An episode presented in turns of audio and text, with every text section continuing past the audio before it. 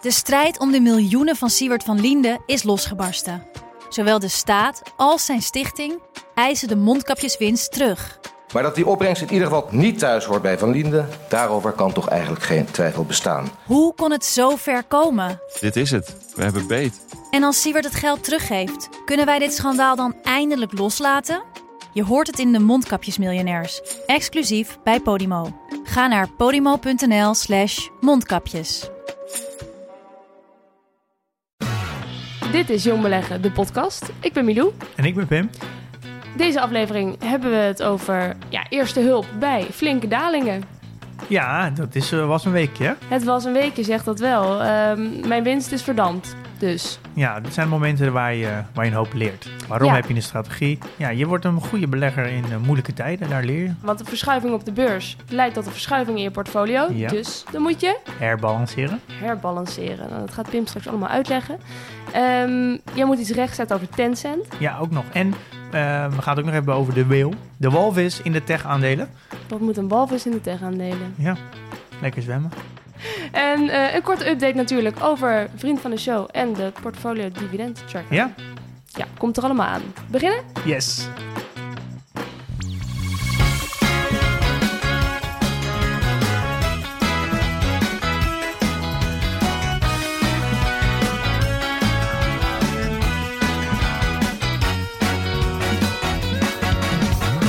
Ja, dit was een heftige week, Pim. Voor mij in ieder geval. Ik eh, durf nog steeds niet echt te kijken naar de app, eerlijk gezegd. Ja, ik begrijp wat je bedoelt. Dit is de week waar je, waar je een hoop leert.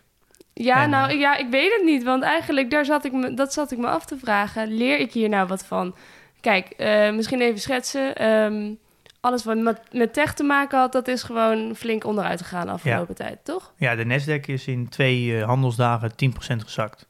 Dat is veel. Dat is heel veel, ja. Ja, nou ja, ik heb dat dus ook gemerkt. Want de S&P die zit natuurlijk qua weging ook zwaar in de Ja. tech. Volgens de S&P denk ik in twee handelsdagen 6% naar beneden gegaan, denk ik, 6,5. Ja, nou en ik had er natuurlijk best wel een emotioneel bericht over geplaatst op Instagram van Jong Beleggen. Vlak voordat het onderuit ging, heb ik net gewoon weer opnieuw bijgekocht van Ja. de S&P 500. En toen dacht ik achteraf, ja, wat leer ik hier nou van? Ja, Ja. niet kopen als hij op zijn hoogste punt staat. Maar ja, dat weet je niet van tevoren. Nee, maar dit, dit, deze week is echt super interessant. Dit zijn, hier kan je zoveel dingen van leren. Eh, je, je krijgt emotie nu. Eh, Ja, dat nou, dat had was ook wel. duidelijk te zien in de video. Nu ben ik Eh, afgevlakt. je weet nou wat, voor, wat er gebeurt als het hard zakt. Dat het kan gebeuren. Je, je, je weet nu eigenlijk waarom je een strategie maakt. Het is zo, Warren Buffett had daar een hele mooie quote. Als het app wordt, dan kunnen we zien wie er zonder zwembroek zwemt. Eh, Ja. Als we omhoog gaan, dan, dan, dan kan iedereen het. En als je naar beneden gaat, dan wordt er verschillen gemaakt. ja. Ja. En het is heel goed dat je dit gewoon meemaakt nu. Maar ik vraag me af of er voor mij ook daadwerkelijk iets leren valt. Kijk, voor heel veel mensen zal gelden dat zij een strategie hebben en dat zij nu pro- moeten proberen daaraan vast te houden en kijken hoe dat nu gaat. Voor mij is dat natuurlijk iets minder zo met alleen maar een ETF. Dat is niet heel erg een strategie. Nou ja, het is toch ook een strategie. Je hebt een ETF met een, een bepaalde schema waar je inlegt. Dat is ja, een natuurlijk. strategie? Ja, dat ik op termijn inderdaad eh, zal gaan stijgen. Dat is mijn Ik- strategie. Ja, maar dat, je hebt wel al, je hebt toch emotie Ja. dat erbij komt kijken. En dat Ja. is al een, eh, een van de gevaarlijkste dingen met beleggen, emotie. Nou Want je ja, begon want al ik weet wel. Ja, pre- precies. Want ik heb jou toen ook gevraagd. Want ik dacht, oké, maar zou ik dan niet nu gewoon kunnen bijkopen? Ja, jij stuurde dat volgens mij vrijdag. Ja. Ja, en ondertussen is het nu, is het dinsdag ook flink doorgezakt. Dat is ook je eerste impuls. Ja, Het zakt één keer bijkopen. En dat moet je dus juist niet doen. Niet, niet direct reageren, niet je emotie laten overnemen. ja, Even wachten, ja, eh, wachten tot het een klein beetje opklaart. ja. Goed kijken, waarom is het gezakt? Eh, is het een heel specifiek moment? En is het een, een, een soort van geschrokken reactie? Eh, of is het veel meer een fundamentele daling? Want dat is, vind ik wel, inderdaad, wanneer heb je het over dus de oorzaak van wat er dan is gebeurd op de beurs. Moet er altijd één specifieke gebeurtenis aan ten grondslag liggen? Bijvoorbeeld, eh, nou ja, Apple maakt cijfers bekend die heel erg tegenvallen. Of kan het ook spontaan gebeuren dat die beurs opeens zo inzakt? Nou, soms lopen waarderingen gewoon hoog op. En dan bouwt dat zich op. Dan bouwt er zich gewoon een bepaalde spanning op. En ja, dan is het gewoon heel fragiel eigenlijk. Dus als er, Ja. Ja, het er maar een beetje tegen te zitten... of er hoeft er net even de net iets te grote groep naar eruit te stappen... Dan, dan is het een soort van kettingreactie ja. en naar beneden. En volgens mij is er dus ook een manier om hiermee om te gaan. Daarom hebben we volgens mij deze aflevering Ja, nu. dat is misschien wel goed om nog even te zeggen. We zouden het over intrinsieke waarde hebben. Ja, Ehm, en dan misschien ook het berekenen daarvan. Maar ik wilde even het herbalanceren van je portefeuille als onderwerp er tussendoor doen. Omdat het misschien nu een klein beetje actueel is. Herbalanceren had eigenlijk heel goed geweest in deze periode. Ik probeer altijd in de momenten dat het fout gaat, dus zo'n daling, dan denk ik, ja, wat, he- wat heb ik hiervan geleerd? Wat kan ik hier in de toekomst, kan ik dit voorkomen? Kan ik dingen beter doen? Kan ik me beter voorbereiden? ja, En het grappige eigenlijk is dat ik, even terug naar mijn strategie, heb ik gezegd 70% dividendaandelen, 30% groeiaandelen. Nou, groeiaandelen zijn hartstikke hard gegroeid. ja. Ik ben uiteindelijk gegaan naar een percentage 37% om eh 63%. ja. Eigenlijk, maar ik had gezegd, mijn risicoprofiel, mijn ideale eh, mix is 70-30. En als aandelen, groeiaandelen het goed doen, moet ik eigenlijk herbalanceren. Dat ik terug ga naar Ja. 30% en weer terug naar 70%. En dat houdt dus in dat ik dus de groeiaandelen gedeeltelijk verkoop met veel winst, want die zijn harder gestegen. En dat steek ik in aandelen die, die minder hard zijn gegroeid. Dus dan koop ik ze goedkoop. Ja, want een Ja. verschuiving op de beurs leidt dus ook tot verschuiving in je portefeuille. Ja. En daar moet je mee om zien te gaan. Ja, en het is zelfs nog winstverhogend op lange termijn. Dus eh, heel interessant. Het is misschien wel een beetje een les achteraf, dus ik heb er nu heel weinig aan. Maar ik ga er in de toekomst een, eh, een, hoop, van, eh, hoop van profiteren. En ik hoop jullie natuurlijk ook. Ja, precies, want jullie weten het nu al, luisteraars. Dus. Maar voordat we daarover verder gaan praten, wil jij eerst nog wat rechtzetten van de vorige aflevering. Ja, eh, dat is natuurlijk het, het nadeel dat je heel veel luisteraars hebt, maar ook weer het voordeel. Dat je altijd wel iets zegt wat niet klopt. Ja. En dat je daar eh, heel vriendelijk op wordt gewezen. Ja, Ehm, hebben het heel veel kort gehad over Proces. Een Zuid-Afrikaans bedrijf wat op de Amsterdamse beurs zit. Heeft een ehm, minderheidsbelang van 31% in Tencent. En eh, dat is geen maaltijdbezorger, wat ik wel heb verteld. Proces heeft wel een maaltijdbezorger en dat is Deliveroo Hero. Ehm, maar dat is maar een klein percentage eigenlijk weer van al hun eh, eh, posities die ze hebben. Want ze hebben ook de Russische social media bedrijf en dan Tencent. Dus eigenlijk kan je Proces misschien ook niet eens echt bestempelen als een volledige maaltijdbezorger. En dan Tencent. ja. Nou, dat zei ik dat het een maaltijdbezorger was. Nou, dat dat, Chinese bedrijf, dat toch? Chinese bedrijf, nou dat is het dus niet. Oh, Nou ja, ja het doet, doet dat wel, maar, maar zo klein. Ik weet niet hoe ik daar precies uitkom, maar Tencent is zo gigantisch groot. ja. Dat is eigenlijk de, de Facebook, de Nintendo, de Spotify, de Netflix, de Slack, de PayPal, nou, noem het allemaal op, de Amazon, Oh my god. de YouTube in één. Oké, Eh, Tencent is zo immens groot. Het is het grootste internetbedrijf in China. Eh, en het doet eigenlijk alles. Het is alles vanuit een app. ja. En je kan zelfs dokterafspraken maken. Eh, nou, WeChat is dus een, een van hun bekendere ja. eh, producten die vooral in de westerse landen bekend is.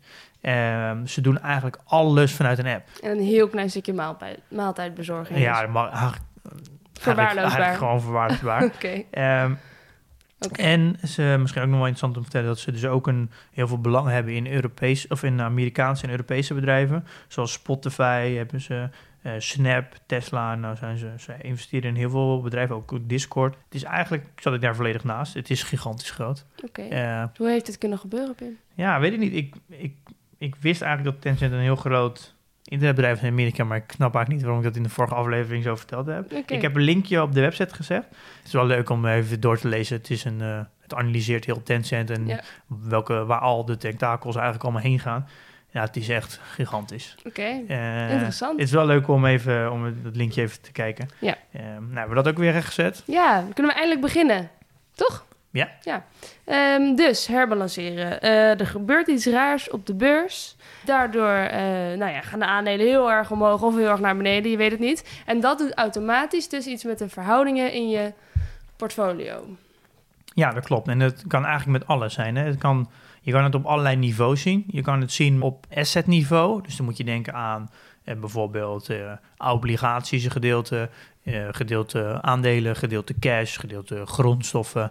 eh, nou, misschien ook gedeelte vastgoed kan ook. Eh, maar je kan het ook meer, meer in-depth zien in een categorie bijvoorbeeld. Nou, bijvoorbeeld je hebt je hebt aandelen, nou, je hebt, dan zou je bijvoorbeeld 100% in aandelen zitten. En je hebt eh 60% de S&P ETF en je hebt 40% de All World ETF. Nou, dan heb je Mhm. dus ook een, weer een verdeling. En daar zit ook een risicoprofiel aan vast. De All World is een lager risico dan de S&P. En het is eigenlijk heel logisch. ehm, maar Maak het concreet. nou ja, ik kan het wel heel concreet. Het, is eigenlijk, het komt er een beetje op neer dat ik volg natuurlijk het pad van het leren. En, en ja, een soort van herbalanceren is überhaupt, heeft überhaupt pas zin naar als je in, een, in ieder geval minimaal een half jaar verder bent. Eh, het is een half jaar, een jaar, nou dat ben ik nu. Eh, en deze gebeurtenis heeft er eigenlijk voor gezorgd dat ik heel goed leer waarom ik moet herbalanceren. Oké. Ehm, maar kan je misschien even eens wel meenemen in een voorbeeld waarom het zo belangrijk is? eh, om het goed uit te leggen. Ja. Je hebt een portefeuille en daar heb je in een aandelen eh, portfolio van 60%. Je hebt een obligaties van 30% en je hebt 10% in cash. Dus dan kom je uit op 100%. Bijvoorbeeld negen maanden gaat het heel goed met de aandelen. Eh, maar het gaat minder met de obligaties. Nou, dat is misschien wel een klein beetje vergelijkbaar hoe het nu is. De obligaties zakken heel erg, bijvoorbeeld om de rente gaat naar beneden. Mhm. En de aandelen gaan hard omhoog. Dus dan heb je eigenlijk na negen maanden, dan is de percentage aandelen op dat moment 70%. Dus die zijn 10% gestegen. Qua waarde wat erin zit. ja, dus de, Niet qua hoeveel je er hebt. nee, dus de, we, de, Ja. de weging van het Ja. totaal. Nou, nu zijn de aandelen hard gegroeid en de obligaties eh, wat gezakt. Dus dan Ja. heb je een verdeling tussen 70 en 20. Maar dat wijkt dus af van je originele strategie. En dat betekent eigenlijk dat ook je risicoprofiel gewijzigd is nu. En want obligaties zijn een lager risico. Eh, en cash is natuurlijk helemaal risicoloos. Ja. Eh, maar nu heb je dus maar 20% in obligaties en 70% in aandelen. Waardoor eigenlijk je risico omhoog gegaan is. ja. Dus de afspraak met jezelf is eigenlijk veranderd zonder dat je zelf iets veranderd Ja, hebt. dus eigenlijk Ja. je, hebt, je loopt nu meer risico Ja. dan je van tevoren hebt afgesproken eigenlijk. En nu wil je het terugbrengen naar je originele strategie. Eh, dus je gaat herbalanceren. En dat houdt dus eigenlijk in dat je het terug gaat brengen naar 60% aandelen, 30% obligaties. nou, Ja, 10% maar dat betekent dus... Ja, Als ik, sorry, ik ontbreek je. Maar dat betekent dus dat je... Het gaat dus heel goed met de aandelen. Maar dan ga je dus zeggen... Daar ga ik stukjes van verkopen. Ja. En ik ga juist dingen kopen van, van dat waar het slecht mee gaat. Ja, Dat klopt gevoelsmatig niet. Nee, dat snap ik. En daarom is het ook zo moeilijk. Omdat je namelijk heel erg het gevoel hebt... en daar moet ik mezelf ook, eh, heb ik mezelf ook in betrapt... Ja. dat als dingen goed gaan... dat je daardoor automatisch meer geld in wil steken in dingen die goed gaan. Ja. En dit is dus een, een van mijn eh, grootste lessen van dit moment. Je bent zo snel geneigd om te veel op de korte termijn te denken. Omdat je de koers omhoog ziet gaan en dan ben je bang dat je, dat je dan de, de stijging mist. Dus heb je natuurlijk FOMO. Maar je bent misschien ook het idee dat je iets te streng bent geweest voor jezelf met die verdeling van je strategie. Dat je denkt van nou, ik kan er wel een beetje meer gaan schuiven. Want Ja. het gaat zo goed. Kijk nou, deze stijging. Wauw. ja, je, je bent heel snel eh, geneigd om, eh, om dan mee te gaan. Ja. Eh, ja, ik heb nu wel geleerd dat. Daarom is het zo belangrijk om zonder emotie te beleggen en niet te veel te kijken op de dagbasis. Oké, maar waar zat de les hem dan in voor jou? Want ehm, je kan nog zeggen, ja, het gaat nog steeds best wel goed. Of heb je echt Nou, ik- gezien van hier heb ik heel veel winst op misgelopen? Nou, ik ben, nou, het- om nu het verschil te maken, ik had 72, 52% rendement om eh, groeiaandelen. Eh, die, die zijn nu 14% gezakt. En mijn eh, dividendaandelen zijn maar 1% gezakt. Nou, dan kan je wel zien waar de grootste daling zit. En dat is ook niet heel gek, want de waarderingen in groeiaandelen zijn gewoon haskehard opgelopen. Ja. Ik heb denk twee weken, drie weken geleden heb ik wat winst gepakt op Tesla en Antje. ja, weet ik nog. Nou, dat heb heb je toen je de hele portfolio ging doornemen. Ja, heb ik Ja. achteraf gezien op all-time high verkocht. Top. Dus dat is, maar het was maar één aandeel. En toen, ik weet niet zeker, maar ik heb volgens mij ergens rond die aflevering, of daarvoor of net daarna, heb ik op een gegeven moment verteld dat ik 37% groeiaandelen heb en dat het afwijkt van mijn originele strategie. Hm. Eh, en toen heb ik dat eigenlijk een beetje verteld dat dat heel normaal is, omdat groeiaandelen groeien. Ja. Kijk, en daar Oh miste ik dus één extra gedachtegang die ik eigenlijk had moeten hebben. Ik had toen moeten zeggen, ik eh, moet een paar posities gaan afromen. En dat heb ik in wezen gedaan door Algen en Tesla te verkopen, Ja. een gedeelte. Maar ik had dat geld dus moeten stoppen in mijn dividendaandelen en niet weer in tech. Ja, ik heb het dus groot deel gestopt toen in Fastly en eh Takeaway uit mijn hoofd. Eh, en die aandelen, die, Ja. zijn, ah ja, die zijn eigenlijk allemaal e- gewoon een beetje gelijkwaardig naar beneden gegaan. Ja, Eh, dus ik, het was 50% van mijn handelingen waren goed. Ja maar je had nog even die tweede stap moeten zetten. ja, het grappige is juist dat ik heb ook wel een gedeelte in Disney gestopt. En Disney is dus juist meer een, die van ons laag gewaardeerd. En die gaat, is dus omhoog gegaan. Dus dat zie je wel vaak met zo'n zo'n daling. Is dat als aandelen overgewaardeerd worden, dan eh, er, wordt, er gaat gewoon veel mensen gaan verkopen. Ja. En die gaan het stoppen in aandelen die achter zijn gebleven. Ja. Ja, ik had gewoon veel eerder moeten herbalanceren. Het is zo hard omhoog gegaan. Dat moest ik, daar moet ik mezelf weer naar herinneren. Waarom ik groeiaandelen heb, omdat ik dat leuk vind. Ik heb daar, denk ik, kijk op. Maar dat betekent niet dat je meer dan de helft per se in die sector eh, wil zitten. En van ja, en, maar dat is ook, geeft ook wel een heel hoog risico. En mijn daarom. lange termijn strategie is wel leven van mijn dividendinkomsten. En ik heb, had me daar mezelf gewoon weer even aan moeten herinneren. Eh, ik had gewoon de winsten moeten pakken in mijn groeiaandelen. Had ik moeten stoppen in mijn dividendaandelen.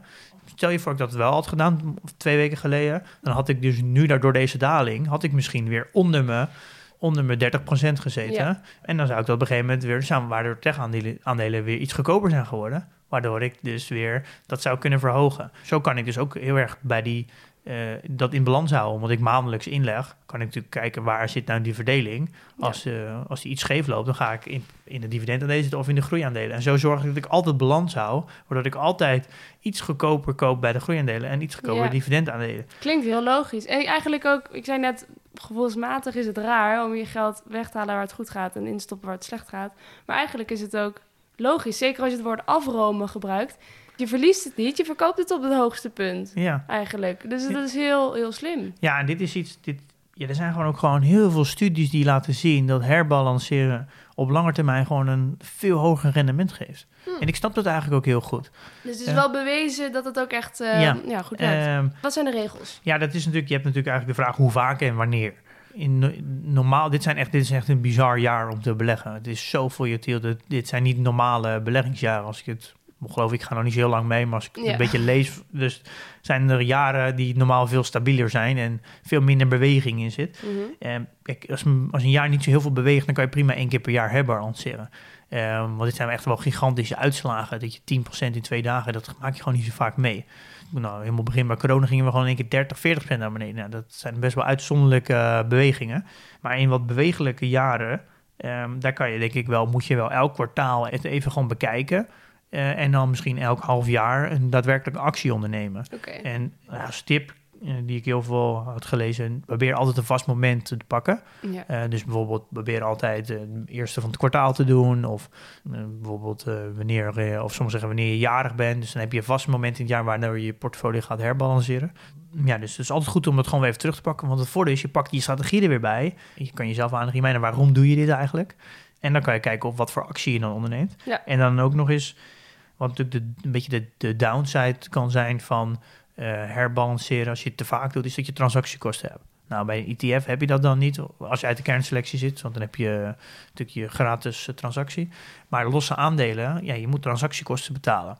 Eh, dus als je het te vaak doet, het Ja. herbalanceren, dan weegt het niet op tegen de winsten die je pakt, omdat je te veel ja. transactiekosten maakt. Daar zit een beetje een balans tussen. Ja. Ze hebben daar een hele mooie regel. Eh, de 5-25 regel. Vond ik eigenlijk wel een hele mooie soort van ezels, ja, ezelsbruggetje die kan gebruiken voor het herbalanceren. Als de afwijking meer dan 5% is, moet je altijd herbalanceren. Mhm. Dus als je bijvoorbeeld 60 om 30% Ja. zegt en het is dus 65 of het is 55, dan moet je gaan herbalanceren. Maar 5% is best veel. Dus als je natuurlijk een, een positie hebt, bijvoorbeeld in opkomende markten van 10%, als je dan 5% doet, dan is het 5 en 15, dat is natuurlijk super groot. Eh, dus dan hebben ze ook de 25% regel. Dus de regel is dan 25% afwijking van je originele ehm, grootte. Dus als je bijvoorbeeld 10% in opkomende markt had, 25% van 10% is 2,5%. Dus de afwijking is 7,5 Ja. en 12,5.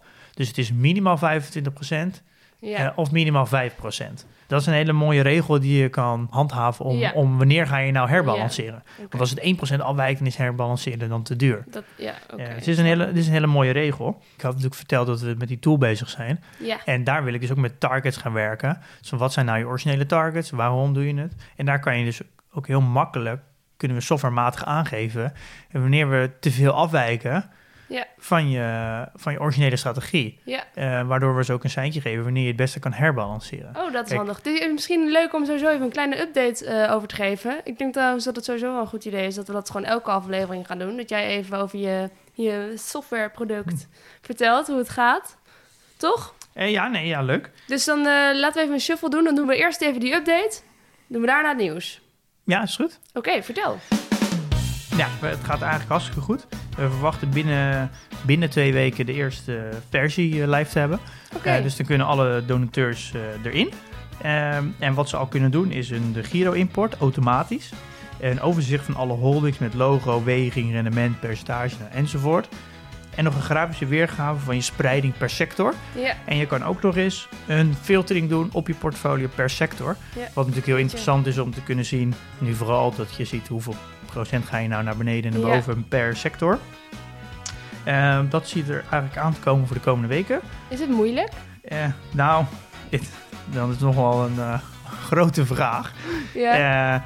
Ja, we, we zitten nu wel echt in de, de meest in echt, echt hele complexe berekening. En misschien een beetje onderschat. We hebben afgelopen week wel even ons hoofd eh, gebroken op een paar berekeningen. ja. eh, waar we niet uitkwamen. Maar het gaat hartstikke goed. Binnen, binnen nu en twee weken gaan de eerste mensen erin. Ehm, en volgende week wordt iedereen ook eh, krijgt een update over eh, hoe we onderling gaan communiceren. Dus we gaan nu alle donateurs in een chat doen. En dan gaan we samen meedenken over het product. Dat is voor de ja, komende periode op de planning. Ja, leuk. En eh, misschien leuk om ook even op te noemen wie er allemaal gedoneerd hebben. En vriend van de show slash eh, vriend van de portfolio dividend tracker zijn geworden. Die Ja. nog in oprichting Ja, is. leuk. Wij willen graag bedanken Brian, Thomas, Dennis, Guy, Alkine, David, Jesper, Mario, Sander, Jasper, Anna, Marsiplan, Wietse, Patrick, Tim, Max, Colin, Mark, Thomas, Dennis, Geert, Swerop, Cliff, Joyce, Thijs, Stijn, Nienke, Robert, Tien, Bowie, Danny, Jan, Tristan, Julia, Niek, Lucas, Jeroen, Ingmar, Michael, Gijs, Lasse, Jipstrak, Michel en Kevin. Dank jullie wel. Ja, superleuk. En het grappige is dat er is ook een, best wel veel mensen tussen zitten die zichzelf hebben aangeboden om te helpen.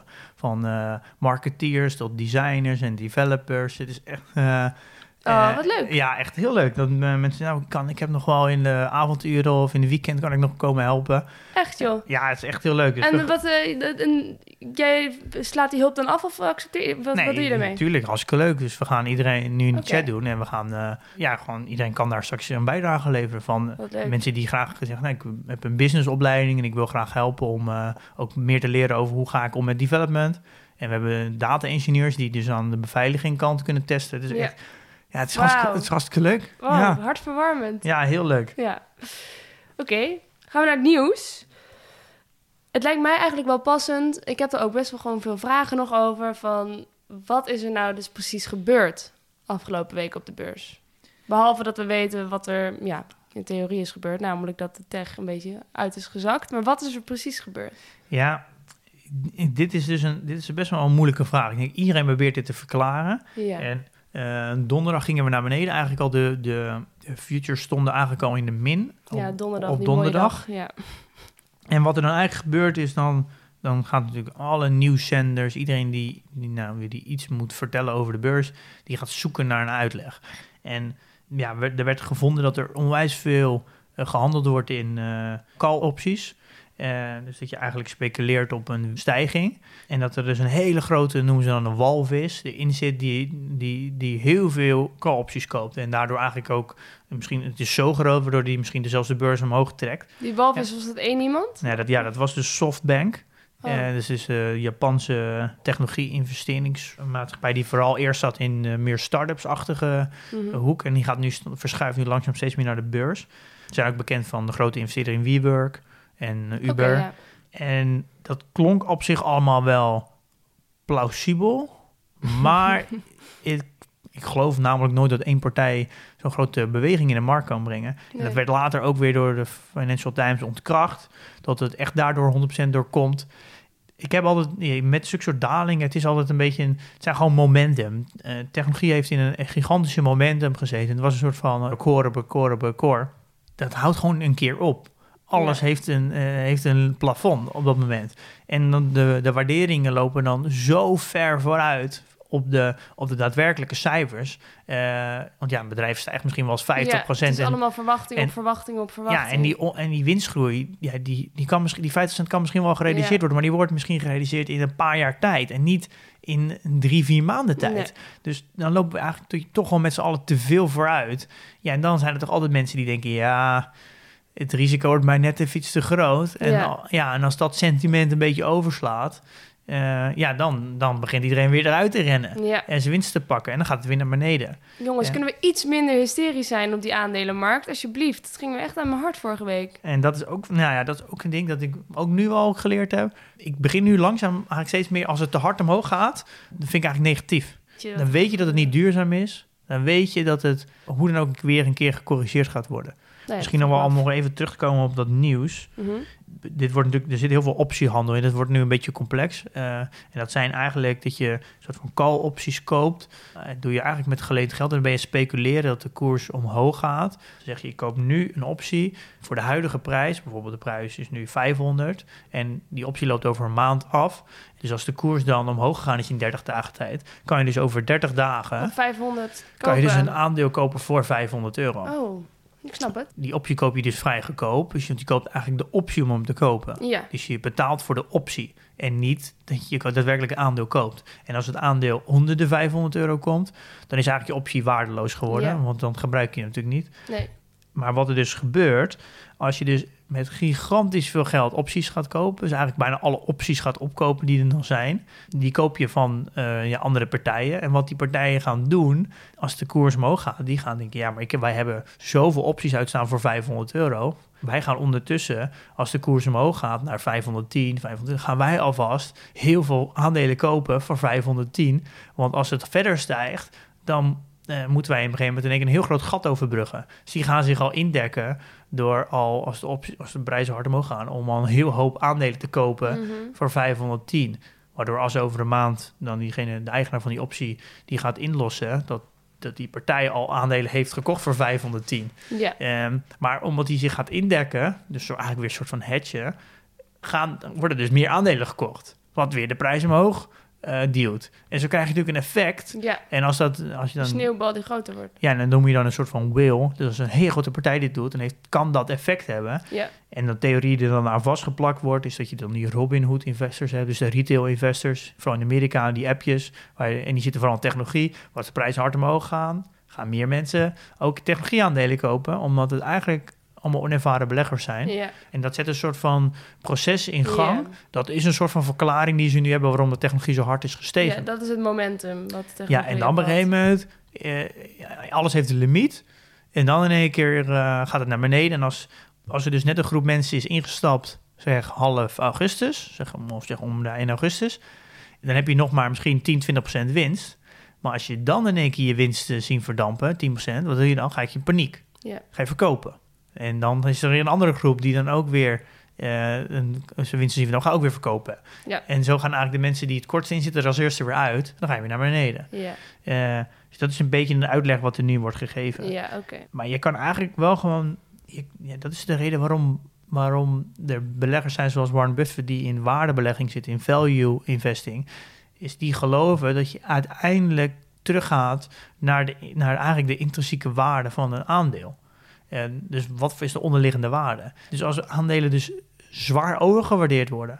gaan ze uiteindelijk weer terug naar de gemiddelde waardering. En er zullen altijd aandelen blijven die iets overgewaardeerd zijn, maar dat, die zijn dan weer te verklaren, omdat ze ook daar een groei voor laten zien. Maar er zijn dus gewoon heel veel aandelen die nu hard omhoog zijn gaan, waar eigenlijk, die, eigenlijk niet die groei Niet vertegenwoordigen. Nee, niet te verklaren precies. groei. En dat, vroeg of laat gaan die aandelen zakken. Dat kan niet anders. Ja. En dat is de, Dat is wat we gezien hebben. ja, daarom gaan we het volgende week ook hebben over eh, intrinsieke waarde. Ja. En ik geloof wel, dat is nu een beetje mijn theorie die ik nu zelf ervaar. eh, maar dat is nu gewoon even een theorie die ik zelf heb, is dat we- je kan een soort van pad van een belegger eh, benoemen. Dat je eigenlijk eerst koop je maar wat. Een keer gaat een ander naar beneden en denk je, oh shit, ik had veel meer moeten spreiden. Of een, of een bedrijf gaat, gaat helemaal fout en dat zakt dus. En dan in één keer denk je, oh, hoe ga ik dit voorkomen? Dus dan ga je veel meer bezig zijn met strategie, risico's, eh, risicomanagen. En dan ga je dus eigenlijk een brede portefeuille bouwen. Nou, Dat is een beetje de fase waar ik denk in zit. En heb je een heel goed gespreide portefeuille. En je, hebt dan het idee, hoe meer aandelen, hoe minder risico. En dan op een gegeven moment kom je op zo'n punt, dan ga je het steeds meer begrijpen. En denk je, nou, misschien moet ik toch wel weer minder aandelen doen. Ja. En ik denk dat als je dan echt nog een stap verder gaat, dat is denk ik niet voor heel veel mensen weggelegd. Dat vergt best wel wat kennis en onderzoek en misschien ook wel wat talent. Dat je uiteindelijk een beetje de type zoals richting Warren Buffett gaat, dat je dus eh, helemaal niet meer in zulke soort regels denkt, maar dat je gewoon een hele kleine portefeuille hebt, misschien met vijf à tien bedrijven. En dat je dus alleen maar zit op de intrinsieke waarde. Ja. Eh, en dan ben je dus eigenlijk weer meer een belegger die gewoon alleen maar kijkt naar, de- naar één specifiek bedrijf en dat door en door kent. Eh, en dan maakt spreiding weer veel minder uit. Ja. En al zou je nog steeds spreiding per sector moeten hebben natuurlijk. Ja. Eh, want het kan ook iets overkomen als een corona waar de hele sector onderuit gaat. Maar eh, dan ben je veel meer bezig in, in het individuele bedrijf. Ja. Ehm, dus ik denk dat zie ik wel een beetje nu steeds meer als een, als een, be- een beweging waar een belegger doorheen gaat. En eh, niemand vertelt dit. En dit heb ik nu zelf eigenlijk ervaren. En als ik eens boeken lees over waardebeleggen en over value investing en al die boeken voor gerelateerd aan Warren Buffett en zo, dan dat zijn boeken waar je eigenlijk het voelt een beetje alsof je een studie hebt van vier jaar en je, je, je krijgt in dag één krijg je de boeken van je vierde jaar. Dus het is nog steeds waar wat ze zeggen en het klopt nog steeds, maar je begrijpt er eigenlijk geen, je begrijpt er eigenlijk helemaal niks van. En je kan, Ja. je kan de, de, de, de, de kennis, de, kan je niet goed op waarde schatten. En ik denk juist als je de boeken krijgt van je vierde jaar in je eerste jaar, dat je op een gegeven moment gewoon denkt, ik stop er gewoon mee. Ik denk dat dat is wat ik extreem mis. En Ja. dan kan ik nu steeds beter uitleggen waarom ik eh, deze podcast maak en waar ik zelf tegenaan liep. En dat is eigenlijk deze Ja. soort van beweging. Alles wat ik je lees en alle boeken die je ziet, dat gaat allemaal over het eindstation. Eh, maar ja, denk je nou echt dat Warren Buffett eh, Begonnen is eh, het begonnen is het eindstation? Dus Nee. precies hetzelfde wat hij zegt van, ja, spreiden is eigenlijk voor de domme, zegt hij eigenlijk. Ja, dat kan je wel leuk zeggen, maar dan had hij er eigenlijk bij moeten zeggen, Ja. je moet eerst heel veel spreiden Ja. om slimmer te worden. En die, al, al die leuke quotes en al die dingen, dat je, die, die, die kloppen wel als je in zijn positie zit. Ja. Maar hij zegt er nooit bij, of nou, niemand zegt erbij, dat je eigenlijk eerst allemaal andere stappen moet nemen om dat te begrijpen. Ja. Dus je kan pas eigenlijk eh, een soort van weinig spreiden eh, als je echt verstand van hebt. Maar je- om daar verstand van te krijgen, Ja. moet je eerst heel veel spreiden om te leren. En, en dat is ook, ben ik dus constant eigenlijk alles wat ik nu zie in een soort van in een procesmatige manier aan het bekijken. Dus oké, wat jij zegt klopt, dat is misschien een eindstation. Ja. Maar ik ga daar komen door het tegenovergestelde te doen. Ja, dus dit begin ik nu steeds beter te begrijpen waarom ik dit Ja. doe en wat, waar mijn frustratie zat in, in als het gaat om beleggen. ja. Ik zie En- het ook aan je. Ja, ik, dit is echt voor mij een openbaring geweest dat ik dit voor mezelf zo soort van nu zo onder woorden kan brengen. Ja. En dit maakt juist, ik denk ook, de kracht van, van, van de podcast en waarom ik dit allemaal vertel, is dat ik deze curve juist aan het meemaken ben. Ja. Eh, en dit wil ik juist aan iedereen vertellen. En daarom is dit denk ik zo waardevol. Ja, ik ben blij dat ik hier tegenover je zit. Snap ik er tenminste ook nog ja, wat van. dan, eh, nou, dan weten jullie Ja, ongeveer- het, zie altijd een beetje voor me als een soort blokkentoren. Je, moet, je kan wel bij het bovenste blokje, namelijk Warren Buffett, beginnen. Maar als er niks onder zit, dan valt het toch wel ook wel naar beneden. Je moet breed beginnen met de basis. En dan kun je steeds verder doorbouwen. En dan heb Ja. je een solide iets waarmee je iets kan. Ja, maar je kan ook- niet bovenaan beginnen. Eh, daarom zeggen ze ook altijd, als je echt iets wil leren, leer het van iemand die één stapje vooruit loopt. En leer het niet van iemand die al twintig stappen vooruit loopt. Want die kan zich niet meer goed identificeren met eh, de problemen die jij daadwerkelijk hebt. Ja. Zo. Ehm, Maar had ik nou kunnen voorkomen dat ik op het hoogste punt heb bijgekocht? nee. Nee, dat kan je gewoon niet voorkomen. Eh, in jouw geval helemaal niet omdat je één ETF hebt. Ja. Je hebt dan misschien nu all-time high gekocht voor S&P. Maar ja, eh, dat is maar... eh, Nou, wat is het? Waarvan je totale inleg dat je wil doen in het jaar... is dat maar 1 twaalfde. Ja. Als jij straks weer koopt op 1 oktober... dan koop je veel lager. Ja. Daar even op aanhaken. En dat, ik heb dus een beetje het idee, ik weet niet of dat kan kloppen... en ik weet ook niet of jij daar zicht op hebt... maar dat dollar cost averaging, wat ik dan doe... namelijk begin van de maand bijkopen... zijn er niet een heleboel andere beleggers die ook precies dat doen... en ook precies het begin van de naam, maand nemen... en dat je daardoor dus een soort van vertekening ook krijgt in die prijs... Kan ik niet beter halverwege de maand gaan zitten? Dat is eigenlijk mijn vraag. Ja, oh, op die manier, ja. Oh, ja, er zijn ongetwijfeld studies naar gedaan... naar welke... Iemand had het ook via... eh, van mijn Instagram of een mailtje gestuurd. Dat was een studie over welke dag kan je nou het beste kopen. Ja, Dat kwam volgens mij, ik weet niet of het kwam op dinsdag uit volgens mij, maar Mm. het was allemaal echt procentueel gezien wel Ja. vrij te verwaarlozen. En weet je namelijk is, als er namelijk echt zo is dat het altijd de eerste van de maand eh, zo hard omhoog gaat, dan levelt dat zich eigenlijk wel weer uit. Want dan gaan dus ook heel veel mensen automatisch weer eh, verkopen. Omdat dat dan een dag is Ja. waar mensen het meeste, het meeste kunnen verdienen. Ja. Eh, dus het, is, het levelt zich uiteindelijk wel weer uit. Oh, makes sense. Ik kan misschien, ja, kunnen we even googlen of we wat kunnen vinden, maar ik heb het vermoeden dat het niet zo heel veel uitmaakt. Oké. Portfolio. Ja, ehm, ja, er is niet zo heel veel eh, Niet heel veel gebeurd. gebeurd. Geen transacties. Mhm. Eh, ik heb wel dividend ontvangen, 33 euro. van twee verschillende bedrijven. En mijn portfoliowaarde is 152.300. Nou, vorige week ja, had ik... dat was eh, woensdag, hè? Dat we het opnamen. Ja, ja klopt. 159.100. Dus Ja. dat is een daling van zo 6800 euro Ja. eh, in, in een week tijd. Ja. Ehm, dus je kan eigenlijk wel zeggen dat eh, mijn winst van eh, dit jaar is in een week gehalveerd. Maar voor hetzelfde gaat is het volgende week weer... heb je het weer terug, hè? Oh nee, maar eh, ik vind het ook helemaal niet, eh, niet erg. Nee, dat weet ik. Eh, ja, ik heb er een hoop weer van geleerd. Maar zo snel kan het gaan, inderdaad. Ja, nou, ik inmiddels ook. Hoewel ik nog steeds niet weet wanneer ik nou moet kopen. Nee hoor. Ehm, Oké, reviews? Ja, laten we doen. Oké. Allereerst eentje van Joost, die eh, eerst met allemaal complimenten komt. Ik zou het graag allemaal willen voorlezen, maar nou ja, daar hebben we denk ik geen tijd meer voor. Eh, maar wat wel leuk is om even te zeggen, hij heeft een hele handige tip. Dus nu zal ik het wel even voorlezen. Eh, je opmerking over dividendlekkage bij de iShares AEX ETF heeft mij nog eens aan het denken gezet. Zoals je zelf al aangaf, is bij een transactie van 1000 euro of meer de Van Eck E- AEX ETF de betere keuze, omdat de transactiekosten direct worden afgewogen tegen het wegvallen van dividendlekkage. Daaronder is de iShares goedkoper, maar een grote positie opbouwen werkt dan weer nadelig. Oplossing: kleine bedragen in de iShares ETF stoppen tot je bijvoorbeeld 1000 euro hebt opgebouwd. Oh, dit is een hele slimme.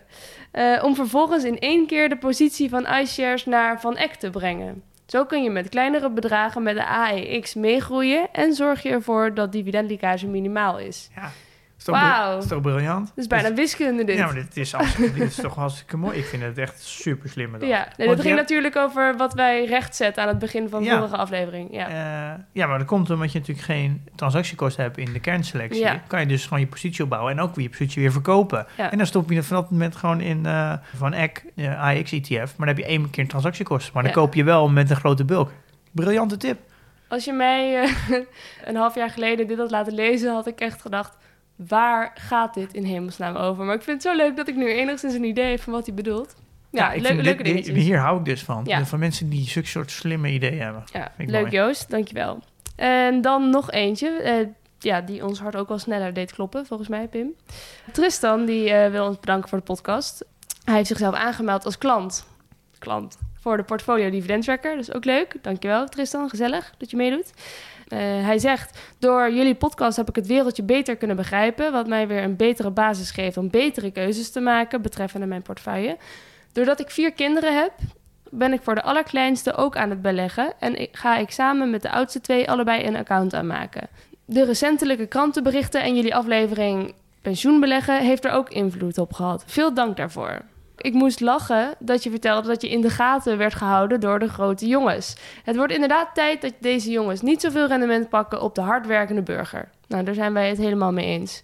En nou ja, daar hebben wij dan ook een aandeel in gehad, zegt Tristan. En daar mogen we wel even stil bij staan. Pim, Oh. zullen wij heel even stilstaan? Ja, zullen we even doen. Nou, ik vind het heel, en dit heel mooi dat, eh, ja, dit zijn, dit zijn natuurlijk hele leuke berichten. Het is een soort Ja. van eh, fuel. Dit is natuurlijk onze brandstof ook wel een beetje. Dit, ik vind het heel mooi dat dit ook gebruikt wordt eh, met een beetje opvoeding. Ja. Eh, ik denk dat vooral de, de, de, ja, de, beetje de ouders van nu ja, hun kinderen wel op een andere manier eh, financiën moeten bijbrengen. Omdat de garanties die, die zij hebben gehad, die zijn er denk ik niet meer voor hun kinderen. Ja. Ehm, dus ja, ik vind dat heel mooi dat, dat wij daar een beetje aan bijdragen. ja, leuk om te lezen. Eh, ze noemen me ook wel Milou Brandstof. Het is heel flauw dit. Goed. Ehm, volgende week dus de belofte van intrinsieke waarde berekenen. Ja, Daar gaan we het over hebben. ja we, vooral over ja, wat is nou intrinsieke waarde, waarom is het belangrijk en kun je misschien nog wel even een berekening doen. Als dat leuk lukt via audio. Ja, vast wel. Jij weet altijd wel een manier daarop te vinden dat zelfs ik het snap. Dus dat komt vast goed. Nou, tot volgende week. Tot volgende week. Doei!